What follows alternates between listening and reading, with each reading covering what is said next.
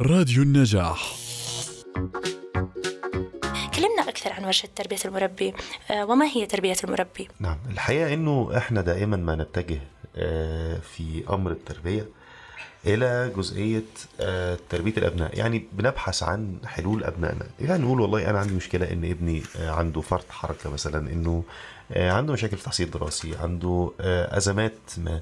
وببدأ أبحث عن كيف أستطيع معالجة هذه الأزمات لدى, أبنائنا. ولا ننتبه كثيرا أن آه، بعض هذه الإشكاليات بتكون نابعة مني أنا كمربي سواء كان كنت أم أو أب. يعني آه، أنا ابني اللي عنده مشاكل في التحصيل الدراسي. ليست القضية بأكملها في عدم قدرة الطفل أو الابن على الاستيعاب.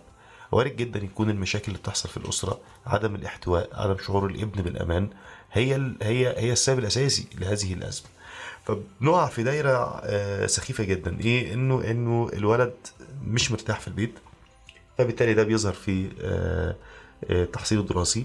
فبيرجع البيت وهو جايب درجات سيئة فنبدأ إحنا نعاقبه علشان هو أساء فيبدأ هو يروح آه، ووضعه تطور بشكل كبير. دي نقطة. النقطة التانية وهو إننا كنا في تربيتنا لأبنائنا بنهتم جدا بملبسهم ومشربهم ومطعمهم وتأمين مستقبلهم. نعم. إلا إننا بنقع في مشكلة سخيفة أيضا جدا وهي إننا ما بنهتمش كثيرا بتأمين نفسياتهم أو تأمين صحتهم النفسية وبتامين ثقتهم بأنفسهم وبإفهامهم. كثير من أبجديات الحياة آه، وبنكون وبنكون في الحقيقة شايفين إن معايير النجاح بتكون قائمة على الشهادة الدراسية والتحصيل الدراسي والدرجات اللي بيجيبها والتقييم اللي بنقيمه في المدرسة نعم. وما بناخدش بالنا قوي إلى إن آه، آه، الأهم من كل ده إن الولد يكون ذو صحة نفسية كويسة عشان يقدر إن هو يتعامل مع إبجديات الحياة الجامعة والمدرسة مش بيعلموا الطفل إزاي يعيش نعم. خالص لا بيعلموهم إزاي آه، يعرفوا انجلش كويس وإزاي إن هم يعرفوا آه، يحسبوها كويس في الحسابات ال-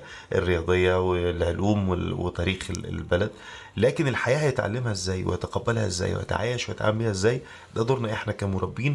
وللأسف الشديد بنتخلى عنه كثيرا ونظن إن توفير المال والمأكل والملبس والنادي والبيت الكويس والمدرسة آه، الكويسة الأجنبية هي دي اللي نعم.